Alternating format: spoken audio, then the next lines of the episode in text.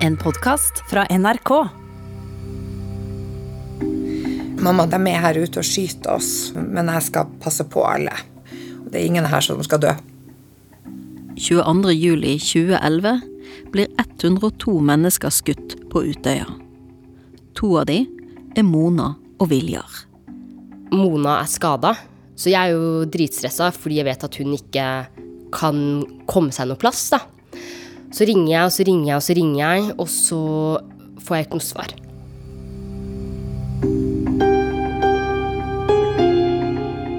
Du hører på hele historien 22. juli av Kjetil Saugestad og Line Alsaker.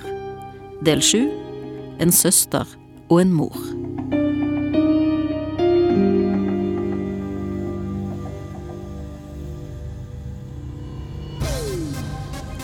17 år gamle Amal Abdinor fra Mortensrud i Oslo er en av de 564 som er på AUFs politiske sommerleir på Utøya fredag 22. juli.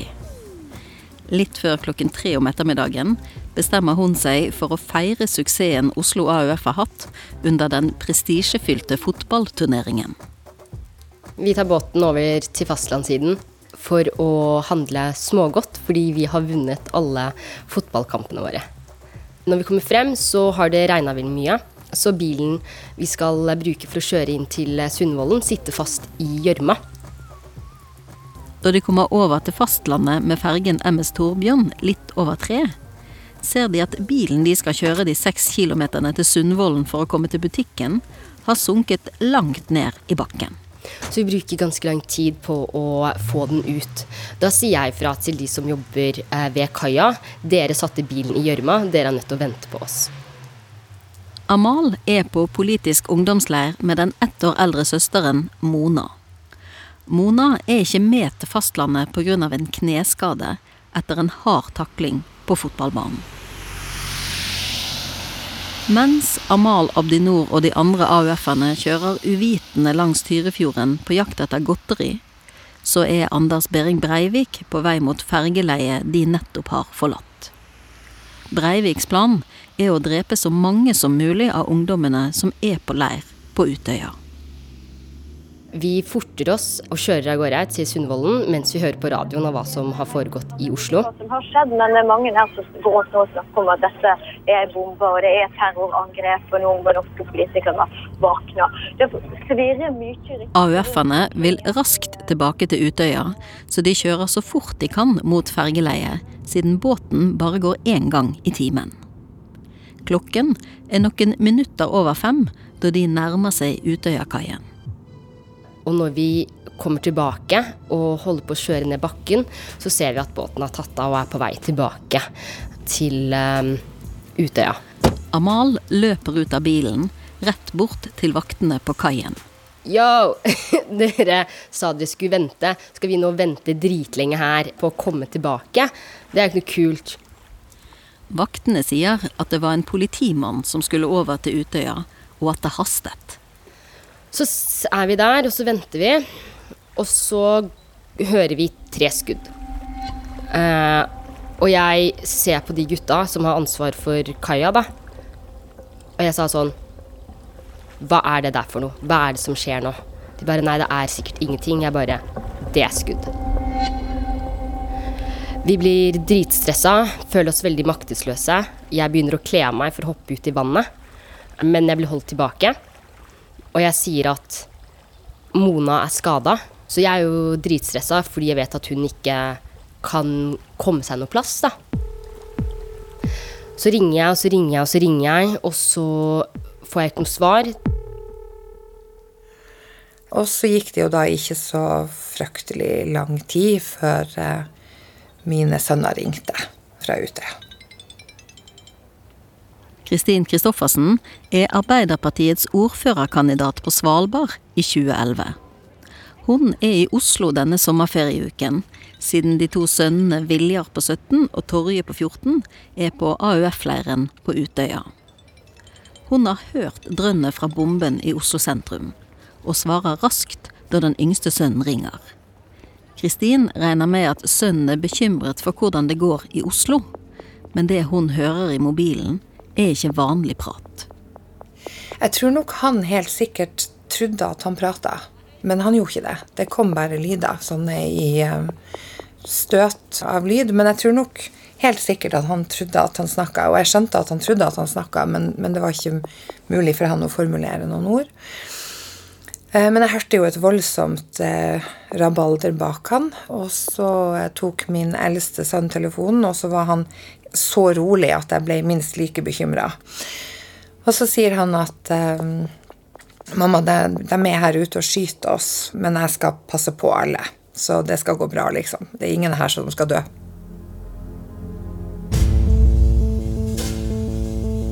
Og så eh, heiv vi oss i bilen, jeg og guttene sine far.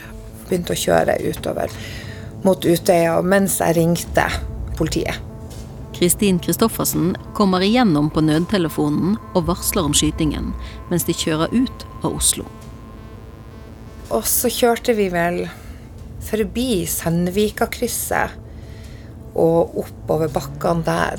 Og så ble vi plutselig forbikjørt av ja, det føltes som 20, men jeg vet ikke hvor mange det var med sånne svarte utrykningskjøretøy. Vanligvis tar det rundt 40 minutter å kjøre de fire milene fra Oslo sentrum til fergeleiet ved Utøyakaien. Der står Amal Abdinor og ringer og ringer til søsteren Mona.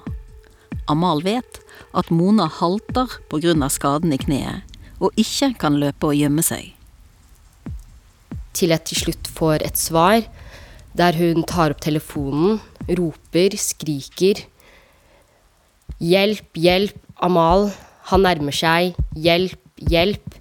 Jeg hører et stort skrik. Jeg hører skudd, og så er det stille.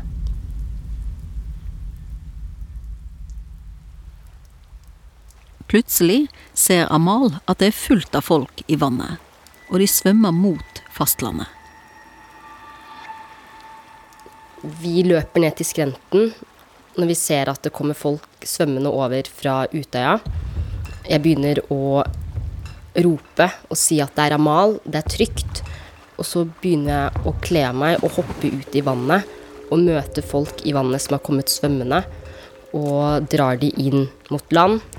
Og de resterende som står der, begynner å ta av seg klærne og gi klærne sine til de som da har kommet frem.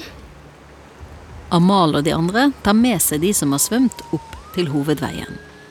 Der kommer det lokale folk med biler og en maxitaxi. Taxisjåføren har uniform på seg, og da de som har flyktet fra skytingen ser det, skriker de av skrekk. Uniformer betyr fare, siden drapsmannen på Utøya har på seg en falsk politiuniform. Men til slutt går de med på å bli kjørt til en privat hytte i nærheten, hvor de får varme klær og kaker. Og det går en telefon, eller flere telefoner, på rundgang, der vi alle kan poste på Facebook, på Twitter og ringe hjem. Men det er veldig begrenset med tid for hvor lenge man kunne være på telefonen av gangen. Kristin Kristoffersen tør ikke ringe sønnene som gjemmer seg for den som skyter på Utøya, i tilfelle lyden på mobilene er på. Kristin satser på at hun og mannen skal bli noen av de første som kommer frem og kan hjelpe på stedet. De fortsetter å kjøre så fort de kan i retning fergeleiet. Men så er det stopp. De hadde akkurat satt opp sperringer på veien når vi begynte å nærme oss Utøya, så vi ble stoppa ved tunnelinnslaget og sto der som første bil i og kom ikke lenger. Politiet nekter de å kjøre forbi sperringene som er satt opp. Det er fortsatt flere kilometer igjen før de er fremme. Det er et veldig trasig kryss. Vi ser ja, egentlig nesten ingenting. Det eneste du ser når du står der, det er den lille veien som kommer opp. Og så er det det tunnelinnslaget og en liten fjellbit og noen trær. Og så så vi liksom vannet. Tiden går, og Kristin blir mer og mer desperat etter å komme videre. Hun maser og argumenterer, men politiet vil ikke slippe henne forbi. Dermed stopper hun motgående trafikk for å få hjelp. Stopper de bilene for å høre om de hadde sett noe eller visste noe. Eller. Og jeg hadde nok en tanke om at jeg kunne få dem til å kjøre meg til Utøya. sendt av, Men de fikk jo ikke komme tilbake, så det hadde de ikke kunnet gjort. Eh, men så, så tenkte jeg bare at ja, men det er jo en mulighet til. Kristin Kristoffersen får en idé. Hun vil forsøke å løpe gjennom tunnelen, og satser på at politivaktene ikke ser hun når hun sniker seg forbi sperringen. Det sto en sånn bil på tvers ikke sant, over, og de sto jo og prata. Så lurte jeg meg bare på baksida av bilen der og så inn i tunnelen. Og tenkte at dette er jo kjempelurt, for at nå kan jo jeg bare springe til Utøya, og så, så er det ingen som vet det. Hun blir raskt tatt igjen av politiet, som drar henne ut av tunnelen tilbake til bilen. Den ene politibetjenten sier at det er for farlig å dra videre mot Utøya. Det skytes fra fastlandet, og det skytes fra øya, og vi kan ikke Det er for farlig. Du vil ikke Om du også dør, så vil det neppe liksom bidra til noe spesielt. Men vi kan fortelle deg det vi vet, eller vi kan liksom sånn at du kan få litt oppdateringer fra oss og sånn. Sånn at jeg i hvert fall visste litt, og det hjalp veldig. Ja, nå har det i hvert fall kommet eh, så mye som fem busslaster av ungdommer som er fysisk uskadet til hotell Sundvolden. Nesten ingen vil snakke med media, for det er naturlig nok helt sjokkskadet. Amal Abdinor kommer til Sundvolden hotell sammen med mange andre AUF-ere.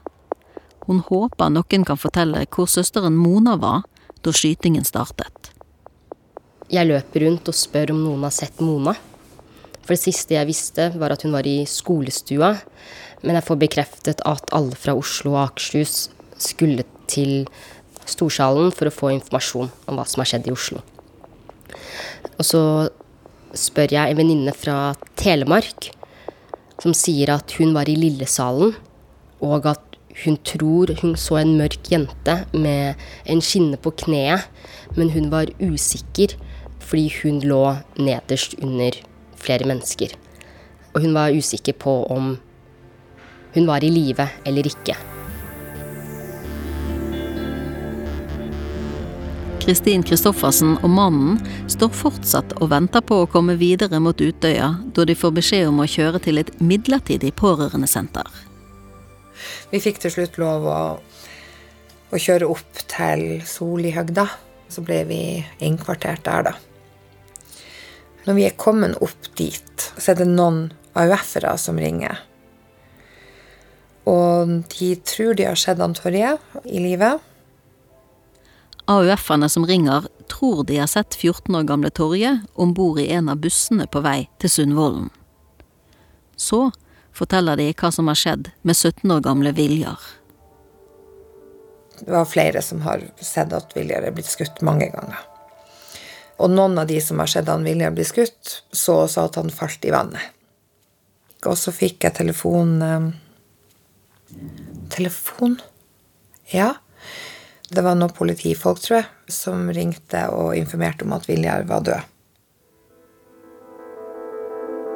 Kristin holder på å jage vekk pågående journalister da hun får en telefon med beskjed om at eldstesønnen er død.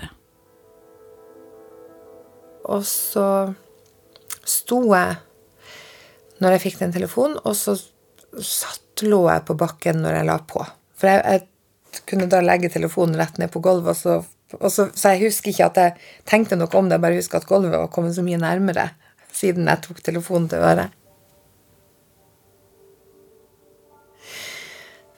Da bestemte vi oss for at eh, hvis han Viljar Vi bestemte oss for å ikke tro på det, at han var død. Det foreldrene ikke vet, er at Viljar har blitt skutt fem ganger. I låret, i skulderen, i underarmen, den ene hånden og i hodet. I tillegg har han havnet i det kalde vannet. Der ligger han oppå en stein. Han synger sjørøversanger til seg sjøl for å klare å holde seg i live, men for mange rundt ser han død ut.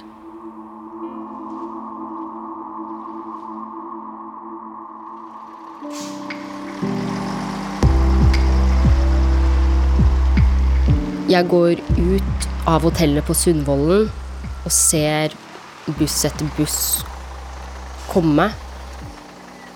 og jeg ser ikke at Mona kommer av. Amal Abdinor venter og håper på at storesøsteren, 18 år gamle Mona, skal komme til Sundvolden. Og så bare går jeg rundt, og så finner jeg venninna mi, Lara Rashid. Og hun finner heller ikke storesøstera si. Og vi sitter sammen en stund før jeg går tilbake til folkemengden. Det begynner å gå spekulasjoner om hvem som kan ha gjort det. Og det gjennomgående er at vi frykter at det skal være en muslim. Og absurd nok så ble det en rar form for jubel eller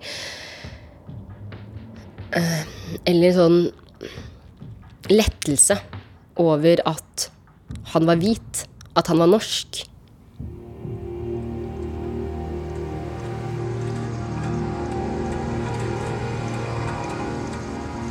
Utpå natten kommer Kristin Kristoffersen og mannen til Sundvolden. Der er det fullt av folk, både utenfor og inne. Og så begynner vi å gå, og så står det Du vet alle disse hvitpleddkledde ungene, eh, som jo da i mine øyne var fire år maks. Det er de ensommeste menneskene jeg har sett i hele mitt liv, disse små vesenene eh, med de her eh, pleddene på. Og så fant vi han Torje Han gikk enda i søkkvåte klær med et sånt pledd over skuldrene, og så så utslitt, og selvfølgelig. Så vi setter oss eh, under um, trappa på en av, en av, delene av disse byggene, og så satt faren bak han, og så setter jeg han på fanget mitt med føttene, liksom en fot på hver side for å få ansikt, for å få øyekontakt. Torje og Viljar holdt sammen lenge på Utøya, men kom vekk fra hverandre i alt kaoset. Like etter ble Viljar skutt, mens Torje gjemte seg i vannet under en av klippene. Innimellom sovner Torje inntil faren.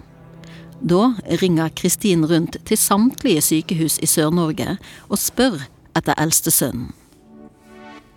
Hun forteller om kjennetegn og arr på 17 år gamle Viljar. Det er trafikkork pga. alle utrykningene fra politi og ambulanser, så moren til Amal er blitt forsinket på vei til Sundvolden. Jeg ser hun idet hun går ut av bilen. Hun har fått beskjed underveis om at eldstedatteren Mona er sett i live på Utøya. Da moren kommer, har Amal ventet alene i mange timer. For da står jeg ute og venter på at det skal komme flere busser. Noe som de ikke gjorde. Og da husker jeg at jeg løper bort til mamma og gir henne en klem. Og vi gråter. Moren er lettet og glad for at Amal er trygg og i live. Allikevel, nå vil hun leite etter eldstedatteren Mona, som fortsatt er savnet. Jeg sa bare at jeg går og legger meg. For jeg ville jo egentlig dra hjem. Men vi kunne på en måte ikke. Uh, og fordi jeg ikke hadde bedt om et rom. Sånn med en gang vi kom, så var det helt fullt. Så jeg fikk et rom på et sånt tun på andre siden av veien. Ja.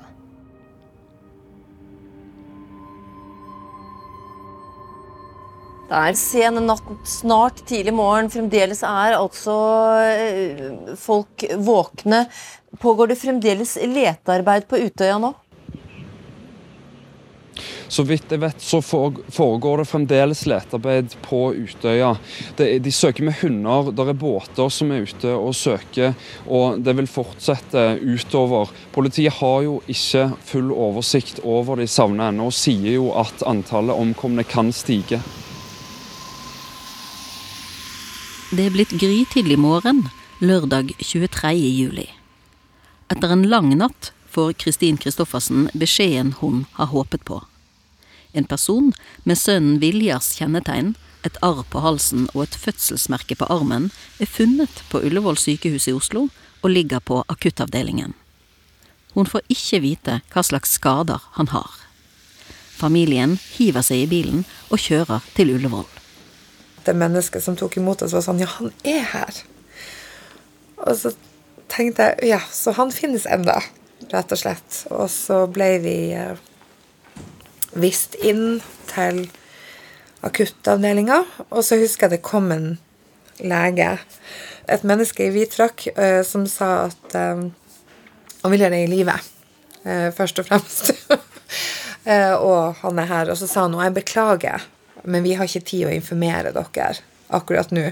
Og så husker jeg bare tok det her mennesket i begge hendene og så sa jeg, herregud, redd liv. Vi klarer oss, for guds skyld. Bruk ikke tid på det. Så, altså, honestly. Så går de inn på rommet der Viljar ligger. Der lå det der eh, som Da var han vel to år, tror jeg, i mitt mentale bilde, og var jo så sønderskutt at det var jo bare et øye og litt av magen som ikke var dekt av bandasjer. Og da sank jeg ned på gulvet i noen minutter, og så røyste jeg meg opp, og så tenkte jeg at eh, da fortsetter vi foreldrejobben.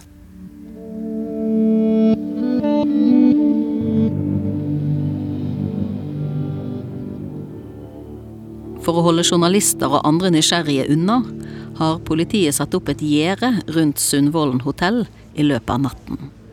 Det vet ikke Amal Abdinor, som er innkvartert på tunet rett ved der journalistene samler seg. Hun står opp for å finne moren. Jeg gikk ut døra fra tunet, og ser at um, det gjerdet er satt opp, og det står mye journalister utafor.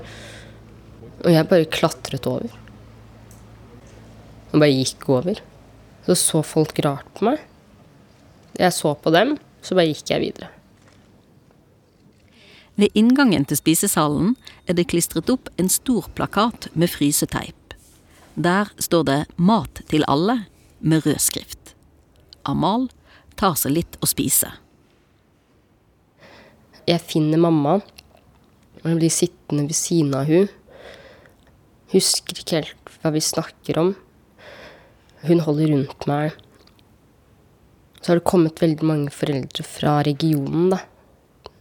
Til Sundvolden. Eh, de stiller veldig mye spørsmål til politiet om hva de vet, når er det vi får vite hvor folk er.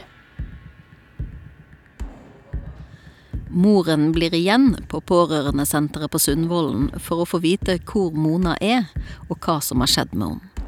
Amal blir kjørt hjem til Bjørndal av en venninne av moren. Uh, mamma er jo alenemor, så det er jo Det er på en måte en, uh, en village da, med somaliske damer som uh, stilte opp. Og da jeg kom hjem, så fikk jeg kjenne veldig på den landsbyen. Fordi i somalsk og muslimsk kultur, da, når det er død og sorg, så skal man dra hjem til den familien, ta med masse mat, lage mat til dem, vaske leiligheten. Skal liksom gjøre alt rundt. Det flytter inn slekt fra Trondheim, England og Tyskland til Bjørndal. Mellom 10 og 15 personer deler på familiens fem enkeltsenger. Men det var en trygghet da, i å vite at man hadde så mange folk rundt seg. Det skal ta mange dager før familien får vite hva som har skjedd med Mona. Hva er det som foregår nå på Utøya? Søket etter omkomne på selve Utøya det er avsluttet, men søket i vannet det holder på fortsatt. Mannskap som driver ute med både båt og vi har en miniubåt som driver og søker i vannet rundt Utøya og i Tyrifjorden. Og Det er med tanke på søk etter omkomne og med tanke på å finne eiendeler. På Ullevål sykehus i Oslo ligger 17 år gamle Viljar og kjemper for livet etter å ha blitt skutt fem ganger på Utøya. Moren, Kristin Kristoffersen, lurer på hva slags tilstand han vil være i dersom han våkner fra koma. Vi ante jo ikke om han hva de skadene besto av. Det kunne være veldig mye. Og så ville de jo fjerne halve overkroppen, eller altså halve overkroppen hans, da. Eh, fordi at han er skutt, og han er helt ødelagt i en del av innmaten i, i overkroppen. Og det kjemper vi for å spare han for. Um, og, og, hadde masse møter med dem og ba om ikke vi kunne være så snille og prøve å beholde det, og at det ville være liksom Ja. Og vi var med Torje Vi dro på en sånn butikk for folk som trenger hjelp i livene sine, og kjøpte en knaffel. Som er en gaffel som du kan bruke med ei hånd, for uansett kommer man aldri til å kunne bruke den ene armen, for den er skutt sunn. Eh, så det var vi og Torje gikk med arme, ene armen inn i genseren sin, sånn at han skulle øve på å bruke bare én arm, så han kunne gi han Vilja gode råd da, eh, hvis han våkner fra koma. så eh, ja. Foreldrene er på Ullevål sykehus hver eneste dag.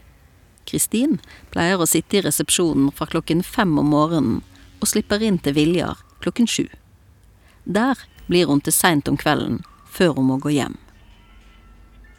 Det er ikke lov å være inne på rommet hos pasienter om nettene, men en kveld blir det kritisk. det kom ei natt hvor vi holdt på å miste Viljar, for da gikk det infeksjon eh, i sårene. Og når du skutt over hele kroppen, og særlig i hodet, så det er klart det er jo ytterst eh, dramatisk. Eh, så da lagde vi fest til han. Fordi at det, hva annet kan du gjøre enn å prøve å minne noen på om at det er verdt å kjempe. Så da var det ikke lov å gråte eller noe, det var bare lov å le. Og lese historier og spille musikk og, og sånn. Um, vi var bare to, da, så det var jo ikke så veldig stor fest. Men Amelia var jo òg der, så vi var tre, var vi enige om. og det var på natta, da. Kristin Kristoffersen har med seg en av Viljas kamerater på den lille, rare festen inne på rommet. Viljar overlever natten. Dagen etter kommer kompisen tilbake til sykehuset. Det ble bare sånn lunstemning eh, ved senga der. Og så begynte vi å snakke om andre sanger, for det var bare gladmusikk da, eh, på natta. Eh, og så begynte han, og, og så sang han, og kunne skrive på himmelen. Eh, og så plutselig så sang han med.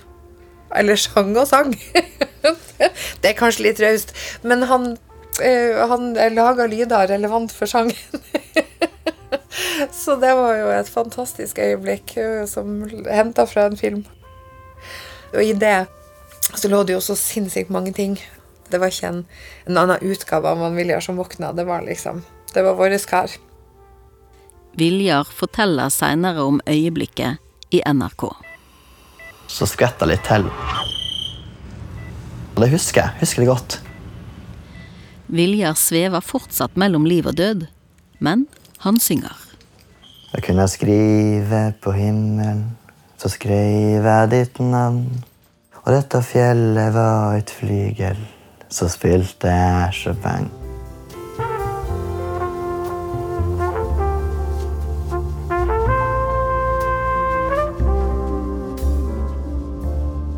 Det tar seks dager før beskjeden Amal og familien har fryktet, kommer fra politiet. Det som er nytt i dag, er at vi nå kan bekrefte at alle omkomne er identifisert. Og det pågår nå en varsling av de pårørende som vi ennå ikke har vært i kontakt med. Og det er samsvar mellom antall døde og savnede. 18 år gamle Mona er død. Hun var en av de som ble skutt i Lillesalen i kafébygget på Utøya. På grunn av det skadde kneet kom hun seg ingen steder. For jeg skjønte jo i ettertid at den siste telefonsamtalen jeg hadde med Mona, var jo i drapsøyeblikket hennes. Og den samtalen der hun roper om hjelp og sier at hun ikke kommer seg bort, og hun brukte den siste pusten hun hadde i seg, til å skrike.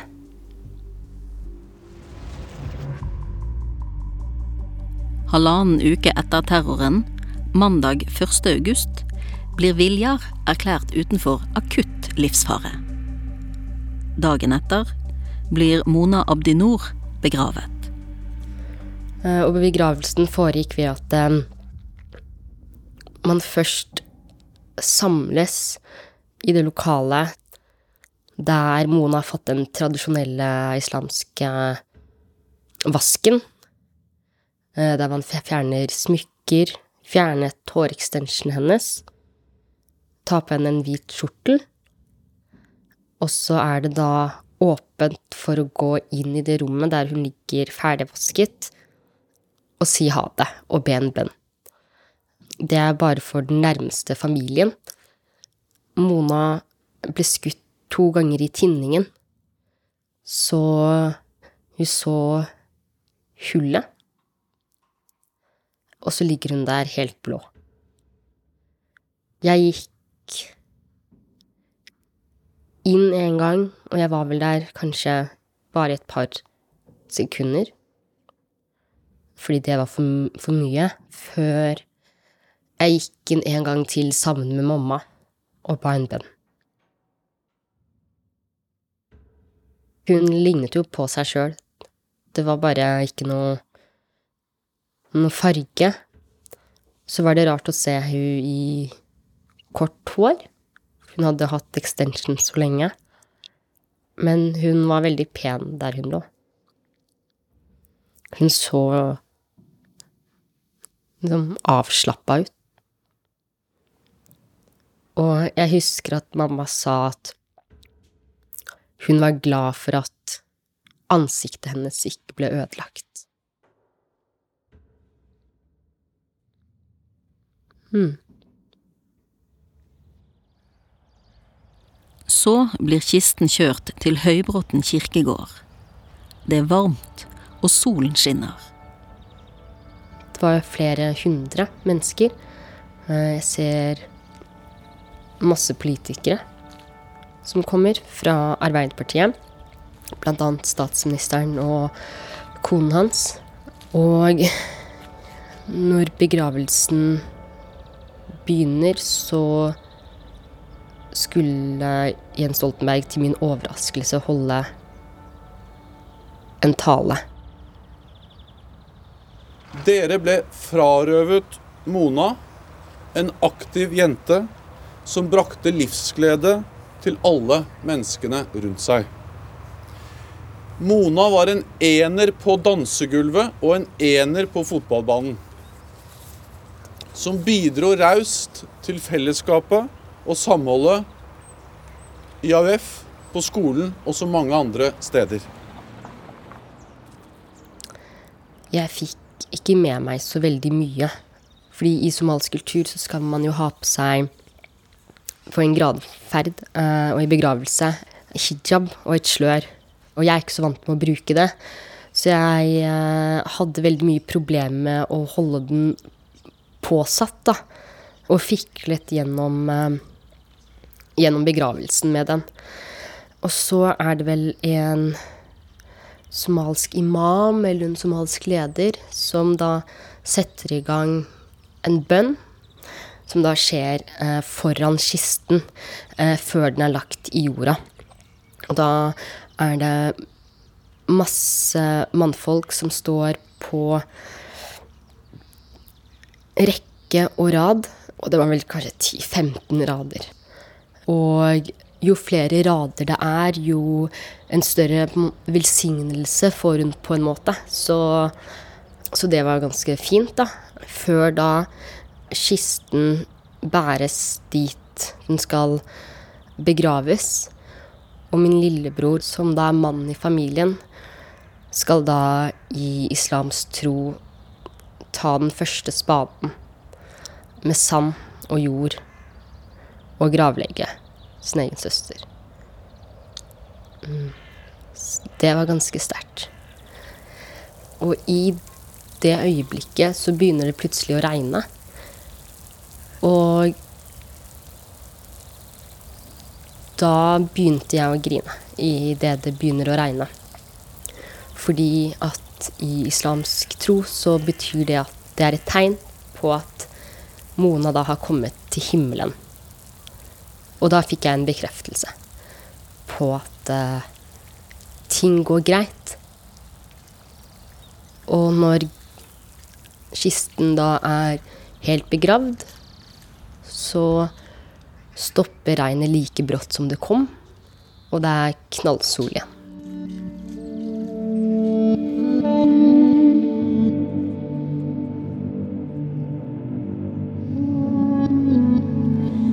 Kristin Kristoffersen og familien får ikke med seg noen begravelser. For Viljar er det opptrening som gjelder. Først på Ullevål, før hele familien flytter inn på samme rom på Sunnaas sykehus på Nesodden. Jeg bruker å telle på fingrene. Nå, har, Ja, nå stopper det seg jo for sju. Ja. Ja, det blir jo ja, det gjør jo i grunnen det, da. Jeg kan telle til fem, og så gjøre sånn, og så fem til. Sånn. Men det blir ja, mye vi må eh, finne ut der, ute. Jeg tror vi stopper der, jeg. Ja. Du skjønner hva jeg mener. Ja, jeg det er skjønner ikke... hva du mener. Vi, Ja. eh, Nå har du tatt en skikkelig økt. Ja. Viljar får beholde armer og bein, men han har mistet tre fingre på venstre hånd og det høyre øyet. Han trener hardt og blir raskt bedre. Dette er jo jobben din, det nå. Å Ja. å bli, um, bli sterk igjen. Ja. Da familien endelig kan komme hjem til Svalbard, er det blitt langt ute i oktober. Kristin er blitt valgt til ordfører, og både Viljar og Torje har kommet inn i lokalstyret. Tusen takk. Takk skal du ha. Det er godt å være hjemme, ja. Hallo. Godt å se deg. Det blir en hjertelig velkomst på Svalbard for familien, med mannskor, venner og viftende flagg.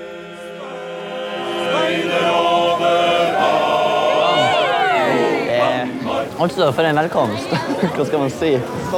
Det blir sånn på skolen hver dag fra nå av. Jeg regner med det.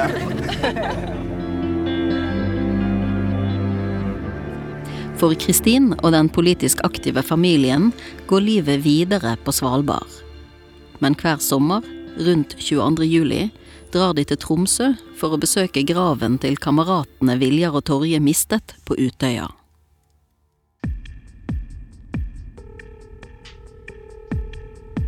Amal klarer seg bra gjennom videregående og flytter til Trondheim da hun er 19 for å studere. Der har hun bodd siden.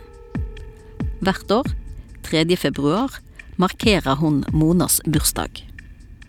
Da pleier jeg å ha venner over, spise god mat og se på Monas favorittfilmer. Hvert eneste år. Monas favorittfilmer var Hairspray og Mamma Mia. Og så setter vi på litt musikk, og så danser vi. Så snakker vi, og så gråter vi, og så synger vi. Så vi gjør på en måte alle de tingene jeg vet Mona hadde gjort på bursdagen sin, gjør jeg med mine venner hver bursdag.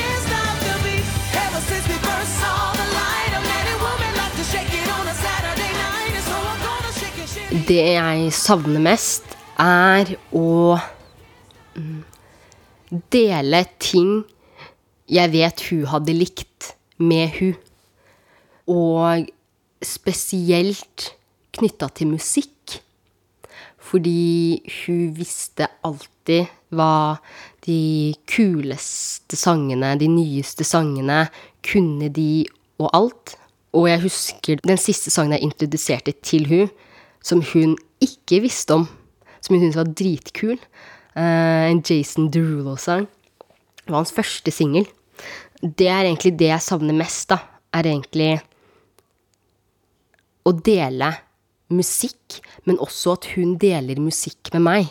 Fordi jeg tror jeg er skikkelig kul, men det er bare fordi jeg prøver å være like kul som hun, hun var, da.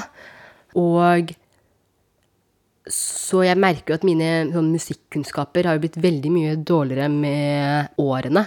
Jeg fikk mye sånn gratis cred gjennom hun. Så jeg savner å dele en kul sang. Mm, det er liksom Hvis det kommer en ny sang, det er ofte jeg tenker mm, Den her hadde Mona likt veldig godt. Ooh, what you say? Den, ja. Ooh, what you say?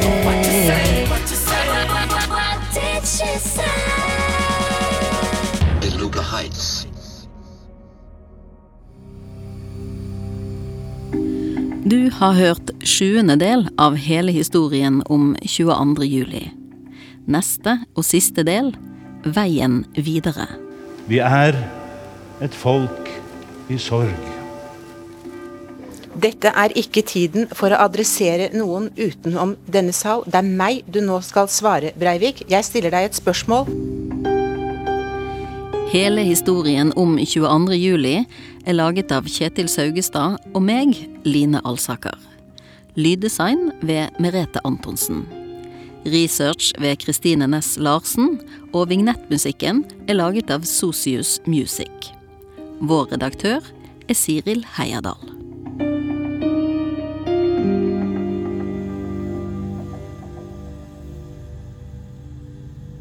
Du har hørt en podkast fra NRK. Hør flere podkaster og din NRK-kanal i appen NRK Radio.